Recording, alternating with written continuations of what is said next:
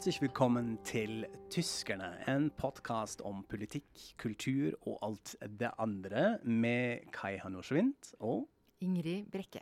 Yes. Uh, hjertelig velkommen til dere. Uh, det er veldig stas at vi er på vårt nye studio hos Aftenposten. Uh, vi er ikke på Vesterdals lenger, men vi har fått lov å flytte inn her. Spennende for oss, mest fordi vi har ikke noen teknikere lenger. så vi må styre selv. Eh, så hvis det er noen krøll, så må, må dere være litt tålmodige. Eh, da må vi fikse det her litt sånn on the fly, men det får vi sikkert til. Vi var jo egentlig på ferie, Ingrid. Uh, jeg var på en veldig fin Balkantur, og du var på den polske rivieraen. Ja. Kjempefin. Men det har skjedd så mye i Tyskland at man innimellom kunne få følelsen at hele landet var i ferd med å gå under. Tyskland røk ut av VM. Handelskrig med USA. Regjeringskrisen mellom CDU og CSU.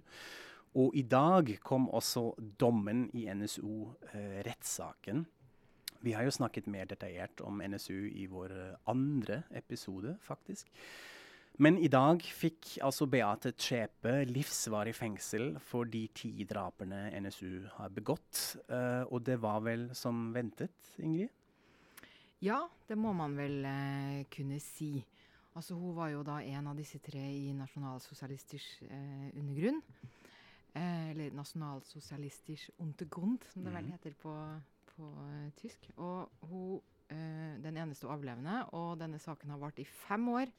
Det har vært over 600 vitner. Den har kosta, tatt etter hukommelsen av 66 mill... Ja, nei, husker jeg ikke. Men ufattelig store summer. Ja. Eh, og endelig kom denne dommen som man har venta på. Livsvarig fengsel for eh, de ti drapene. Bom, to bombeangrep, flere ran og alt det andre. Bare tiltalen har jo vært på nesten 500 sider.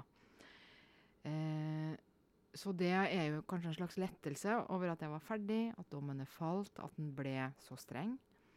Men eh, det er også veldig mange åpne spørsmål igjen. Og jeg har lest en del sånn kommentarer rundt omkring nå, og, og, da er det egentlig to felt. Det ene er eh, de dype sårene dette har etterlatt i forholdet til den tyrkiske minoriteten. Eh, fordi at disse drapene, der var det jo på åtte tyrkiske menn. Uh, og man ble jo mistenkt for uh, mafia og dop og alt mulig mm. rart før man begynte å etterforske høyreekstremisme. Så det bitter, har vært en veldig bitter sak. Og det andre er jo hva skal skje med, om noe, med Verfassungsschutz, som er det ene hemmelige politiet, eller det ene sikkerhetspolitiet uh, i, i, Tyskland, og hvor de har hatt en slags sammenblanding, nesten kan man si, mellom hvem er politi, hvem er eh, agenter ute i felten, hvem er mm. høyreekstreme? Og disse grensene har vært såpass uh, uklare at man mener at uh, disse tre som var under jorda i mange år og gjorde alle disse drapene, delvis har blitt advart og sånne ting. Så skal det skje noe med dem nå. En kommentator jeg leste, mente man burde bare legge ned hele sulamitten. Det skjer vel uh, neppe. Mm. Ja, fordi man har rett og slett mistet oversikten. Hvem som er undercover agent hvor mye de var innblandet i ting. Og om man da til slutt egentlig faktisk begynner å bekjempe sine egne. Ja, det er helt utrolig hvordan det Nå kan man jo ja. tenke seg at de kanskje har rydda opp en del i løpet av disse fem årene rettssaken har vart, eller man kan jo håpe. Ja. Men uansett så gjenstår det en del spørsmål eh, der, da. Mm. Ja, det er sånn sett ikke ferdig, selv om man er nå ferdig med rettssaken. Og den er også anka. Ja, selvfølgelig. Så, så, vi får se. Vi får se uh, hva som skjer. ja. Nei, det er, eh, jeg tror ikke det er siste gang vi snakker om, om det der, men det blir spennende å se hva, hvordan det fortsetter. Uh, det er jo sånn sett ikke en del av denne følelsen som man kunne få i det siste, at hele Tyskland går unna, fordi det er jo fint at hun har dømt, i hvert fall nå, men uh, det vi egentlig tenkte å snakke litt om i dag, er kanskje det man har snakket om mest i det siste i Tyskland, nemlig regjeringskrisen mellom CDU og CSU. Eller mer konkret mellom Angela Merkel og Horst Seehofer, hennes innenriksminister fra CSU. Uh, vi har snakket om han uh, og det anspente forholdet i episode åtte av vårt podkast, så det er bare å gå tilbake og høre på hva vi har å si da. Også om Bayern generelt. Hva er egentlig greien med Bayern? Uh, men nå har altså hele saken mellom dem eskalert enda mer. Eller Ingrid? Ja. Klarer du å oppsummere alt det Ja. som har skjedd? Ja, det var det. Mm. Eh, det begynte vel for en, jeg tror en sånn fire ukers tid eh, siden. Eh, Horst Seehofer skulle legge fram sin, det som han kalte sin masterplan migrasjon. Og da ble det klart at av disse 63 punktene som han hadde satt opp, så var det ett punkt som Angela Merkel ikke kunne svelge. Og det var det punktet som handla om at flyktninger skal utvises på grensa til Østerrike. Og da sier Angela Merkel vi må finne en europeisk løsning på dette. Tyskland kan ikke eh, gjøre dette eh, alene. Og det har jo for så vidt vært hennes linje hele veien. Og det kunne ikke Seehofer eh, leve med. Eh, så det ble en voldsom konflikt veldig raskt. Og så foreslo Merkel at OK, eh, hvis jeg får to uker på meg, så er det et EU-toppmøte, og så skal jeg gjøre det jeg kan for å finne en europeisk løsning. Så det ble satt litt på vent. Og hun kom jo da etter hvert hjem med et uh, resultat med en, uh, hvor hun hadde oppnådd uh, en god del. men likevel valgte da Seehofer, og for så vidt hele CSO, altså dette kristelig-demokratiske søsterpartiet i Bayern, å si at eh, de syntes ikke det var bra nok. Mm. Og så tok det av så mye at i et par dager der så trodde faktisk de fleste, var mitt inntrykk, at nå raser regjeringa. Og disse to partiene går hver sin vei. De har jo vært sammen da siden 1949, eller ja, det var vel da eh, Eller når det nå var CDO og sånn ble stifta, jeg tror det var i det året. I hvert fall etter krigen. Eh, og nå har de blitt to så forskjellige partier at de ikke lenger kan være sammen. Eh, og hadde det eh, skjedd, så Ja, jeg vet ikke helt hva som hadde skjedd. Det ville i hvert fall vært så veldig alvorlig at man antagelig måtte ha nyvalg. Og det hadde jo da blitt etablert nok et parti på høyresida, og det hadde blitt en slags politisk helt ny situasjon, og, og veldig eh, kaotisk. Mm. Før vi kanskje snakker litt mer om Seehofer selv, eller dette forholdet Seehofer og Merkel inn i det, som jeg tror er egentlig helt avgjørende i denne saken. Et spørsmål, Hva skjedde med SPD under det hele? Altså, Det er jo et parti eh, Ja. til Ja, i Nei, de koalisjonen. satt jo der og venta. De kunne jo ikke blande seg inn noe særlig i hva eh, CSO og CDO eh, eh, krangla om, for de er jo en slags felles eh, sammenslutning, selv om de er to partier. Så de satt nå litt på sidelinja og håpa jo selvfølgelig veldig at de skulle bli enige.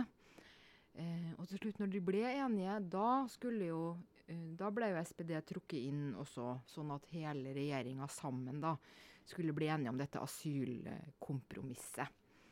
Som vel endte i et eh, vedtak om at eh, man skal kunne utvise på grensa når landa, landet hvor de tidligere er registrert i Europa For det er liksom kjernen her. Dette handler bare om de som tidligere er registrert. Eh, når de landene aksepterer å ta dem tilbake. Og så skal man opprette en slags senter eh, hvor man tar imot folk mens man liksom finner ut om de er registrert, og hvor de skal være og ikke reise videre inn i landet. Og så har det jo da blitt Seehofers oppgave da, at han må sørge for at disse avtalene blir lagd. Og her er det jo, så vidt jeg vet, fortsatt Italia som er en sånn uh, betent uh, sak, for de vil ikke ta tilbake. Mm. Og dette har jo liksom tilhørt sånn som det har sklidd og gått i Europa en stund, nemlig at Italia har en veldig stor uh, Folk kommer jo til Italia for det ligger ved Middelhavet, og så lar de noen bare komme igjennom, og så blir det noen andres problem. Men nå er det liksom slutt på det, da, i, hvis, i hvert fall hvis Seofer nå får viljen sin. Men det som har vært så rart å se, det er at eh, man trodde jo da OK, det har vært kjempekrise, så har det jo blitt megling, og de var jo også hos Wolfgang Schäuble. Presidenten i Eh, forbundsdagen nå. Ja, Eh, megling. CDU-politiker. Ja. Mm. for å, for å megle. Og likevel så er denne konflikten ikke død. Nei. Det bobler opp igjen eh, og igjen. Og senest i går, altså på, på eh, tirsdag, var jo dette veldig tydelig. Da holdt nemlig Seehofer endelig den offisielle pressekonferansen hvor han presenterte denne masterplanen migrasjon. Eh, sånn at alle vi andre også kunne få se den. Og det som var helt påfallende, var at da ignorerte han bare det de var blitt enige om i disse koalisjonsforhandlingene. Så han sa ting som sosialdemokratene har sagt at de ikke kan leve med.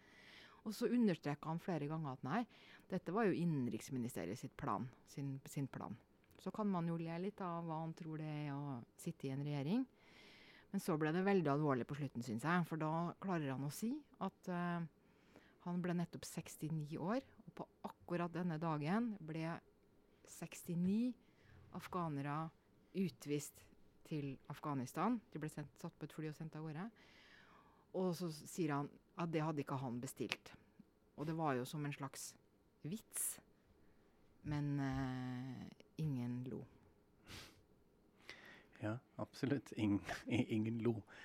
Uh, jeg vet ikke nesten hva man skal si om det, uh, og jeg syns det er veldig vanskelig å ha et litt sånn nøytral holdning til det. Jeg syns Seehofer er en motbyggelig person.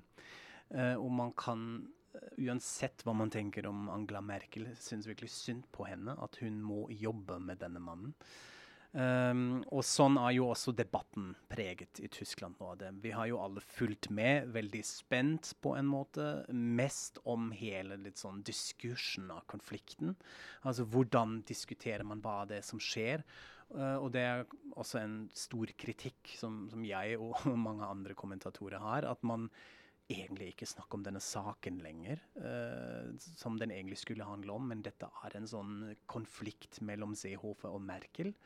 Uh, og veldig preget av denne store egoen til denne mannen. Uh, selvfølgelig også preget av at det er valgkamp i Bayern i høsten.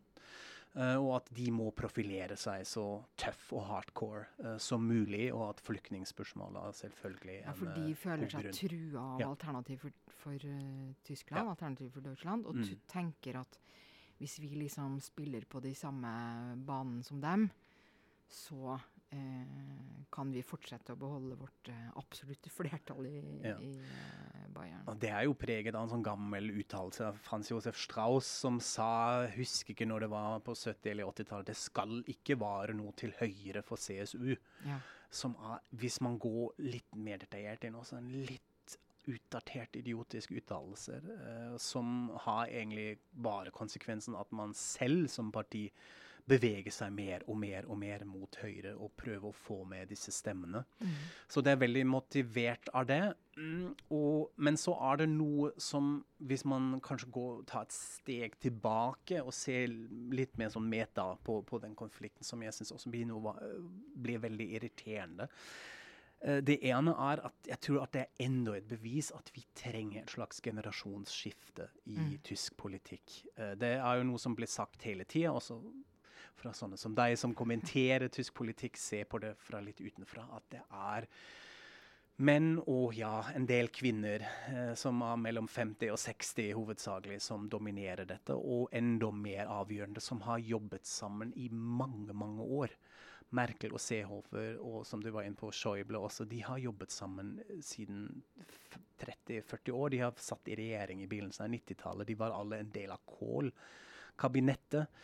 Det er egentlig helt utrolig. Det er helt utrolig. Det. Ja. Så det er de samme folka som styrer mm. dette hele tida. Og selv om Merkel nå begynner å prøve å nevne ut nye folk, som Jens Spahn, eller også litt sånn uh, Kram Karrenbauer, hvor man sier å, det er unge folk, så tror jeg ikke nødvendigvis at det er løsningen. At altså, de som har vært der i flere tiår, uh, skal da peke ut sine etterfølgere.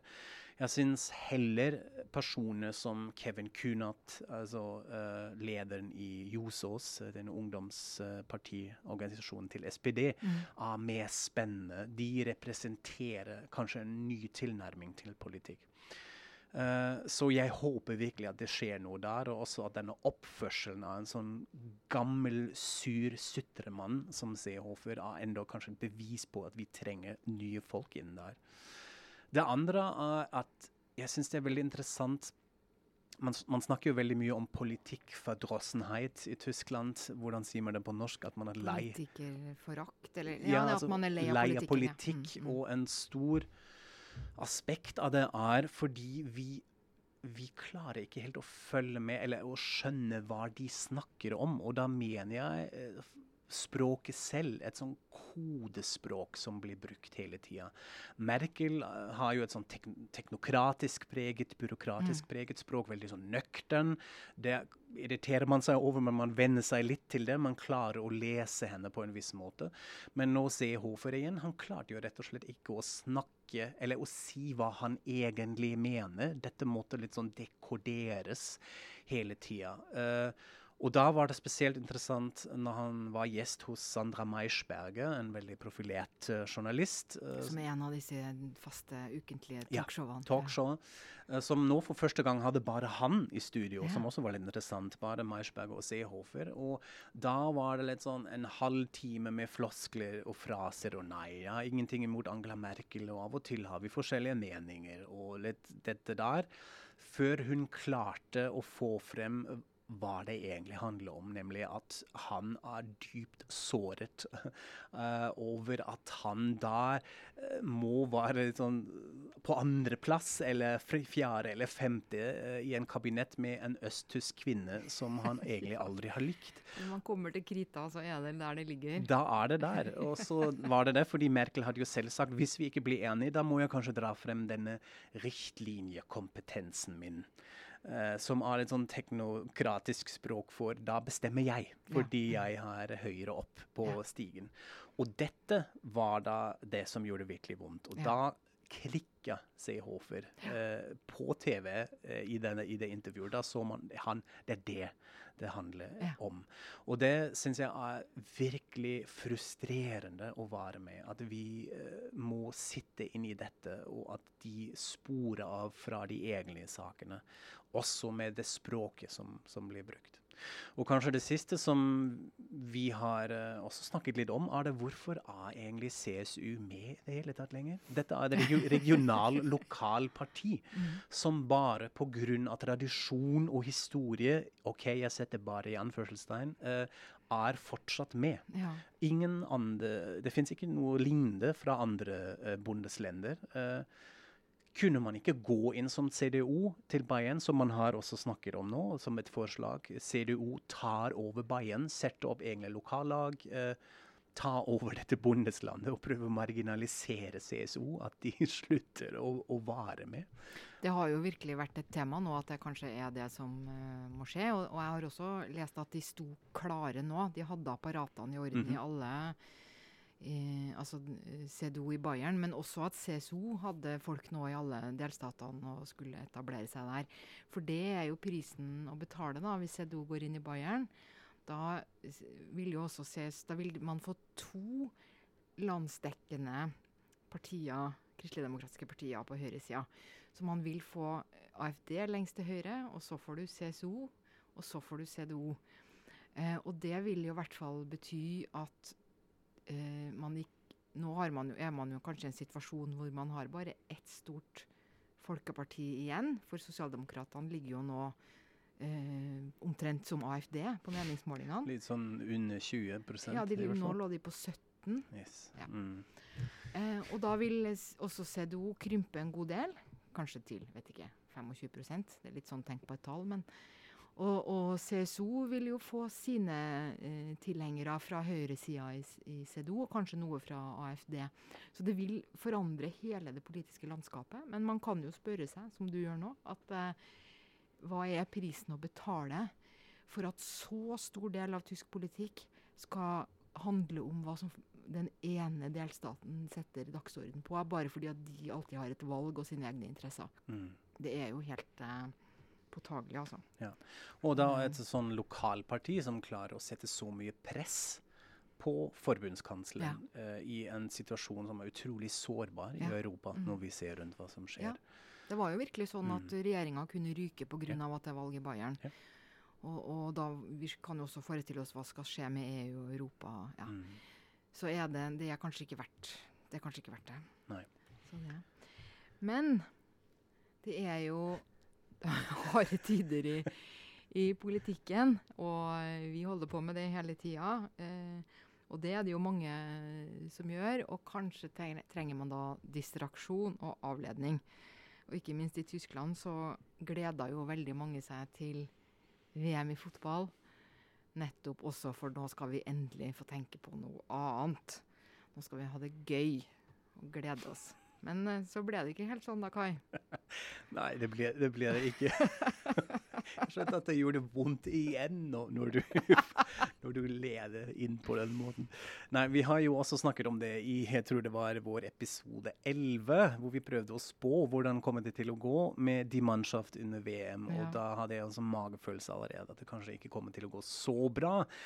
Uh, men at vi, vi, veldig viktig at jeg sier det, uh, røyk ut i gruppespillfasen, det visste man jo ikke. Vi tapte jo sinnssykt mot Sør-Korea, og så var vi ute. Og så var det veldig dårlig stemning.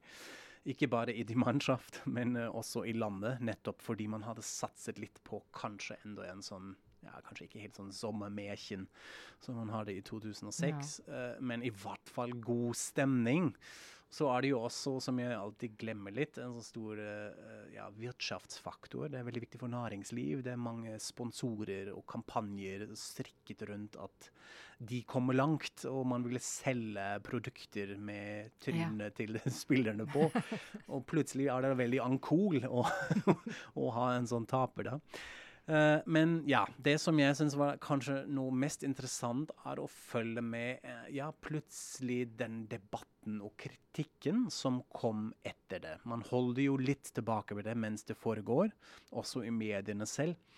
Men eh, da de var altså ute, da bråket det løs. Og det gikk først og fremst, eller først da mot Joakim Løv, eh, treneren, mm. hvor man var veldig usikker. ok, Skal han gå av nå? Og han selv også sa ok, jeg må betenke meg litt, må vente litt, eh, for å se hva som skjer. Så bestemte han seg til slutt nei, OK, jeg skal fortsette. Mm. Uh, som egentlig ja, er en bra ting, tenker jeg. Ligner litt på hvordan Merkel holdt på.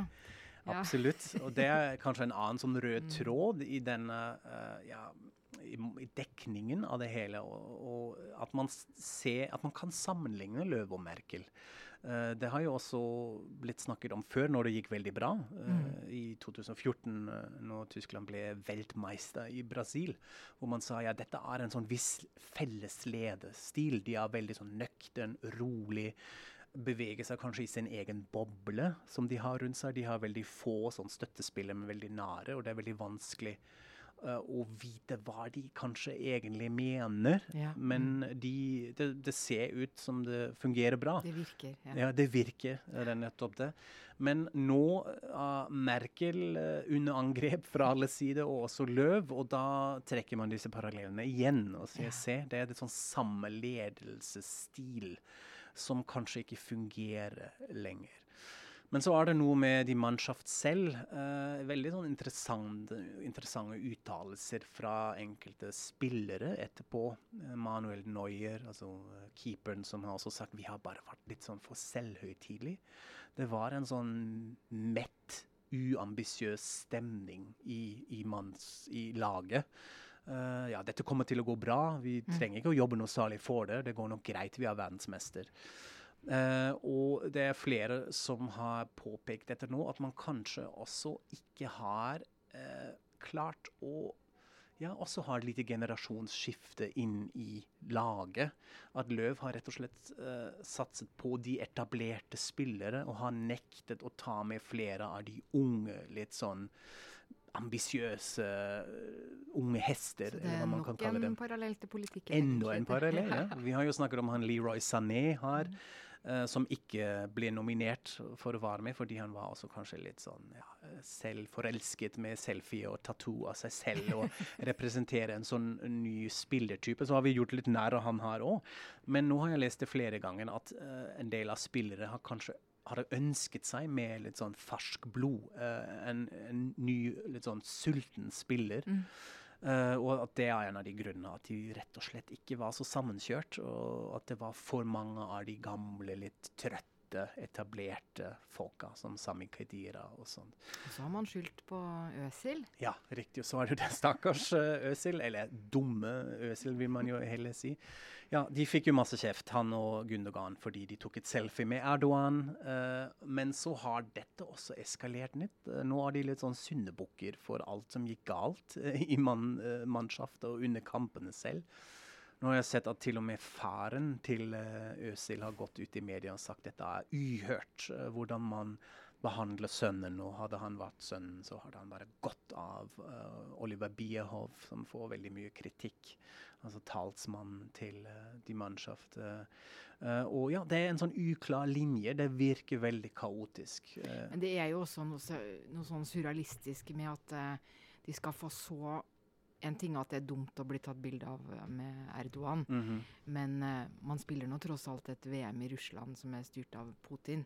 Så det er liksom ja. grenser for hvor hardt du kan angripe folk på dette grunnlaget. Da. Så her ligger det jo mye sånn litt ekle ting eh, under ja. også, tenker jeg. Det er veldig godt å påpeke, fordi ja, hvor var dette i Russland? Vi har jo alle vært med.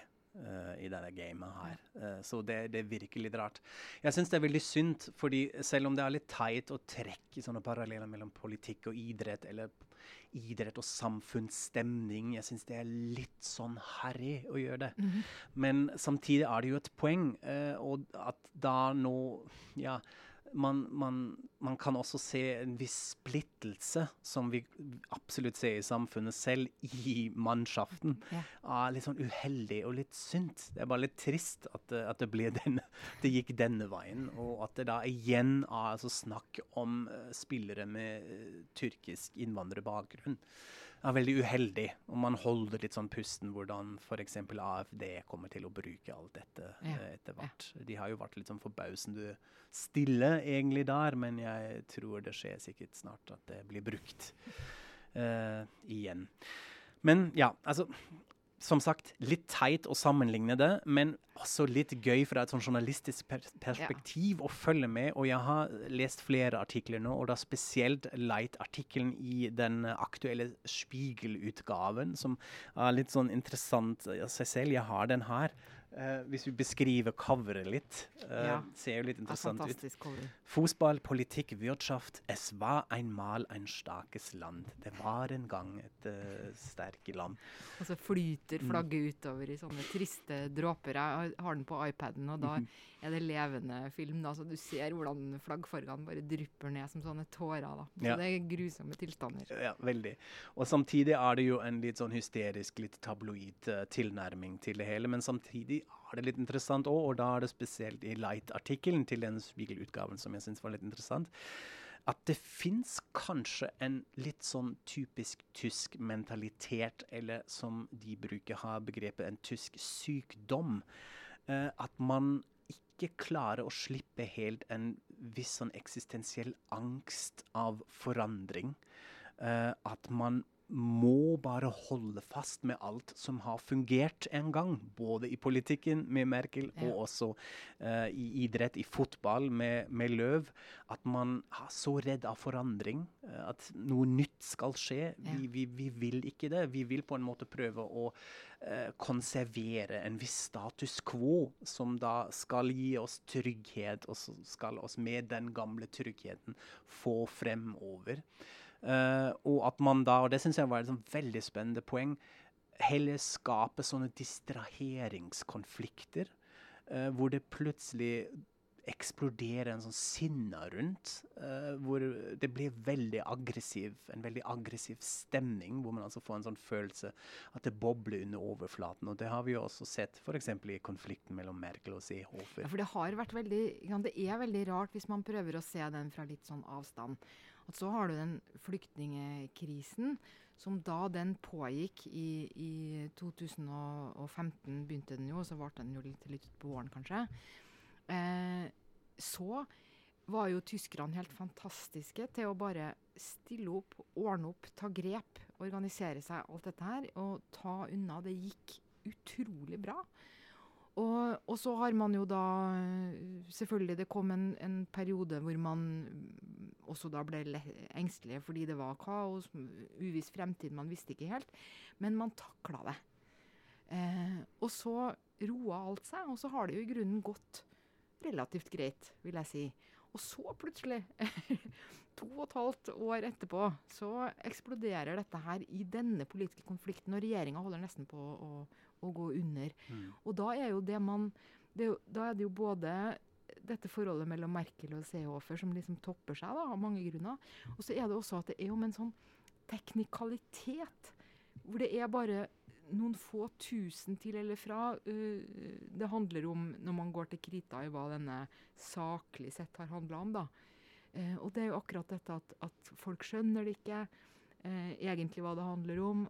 Du, du, får bare en sånn voldsom utblåsning. Og så sitter man der og ser, å ja. Og så berga regjeringa, og så er man liksom her nå. Og så vet man ikke helt verken hva som har skjedd, eller man kan i hvert fall forstå at det kommer til å boble opp igjen, mm. fordi ingenting ble jo egentlig heller løst, eller ja. ja.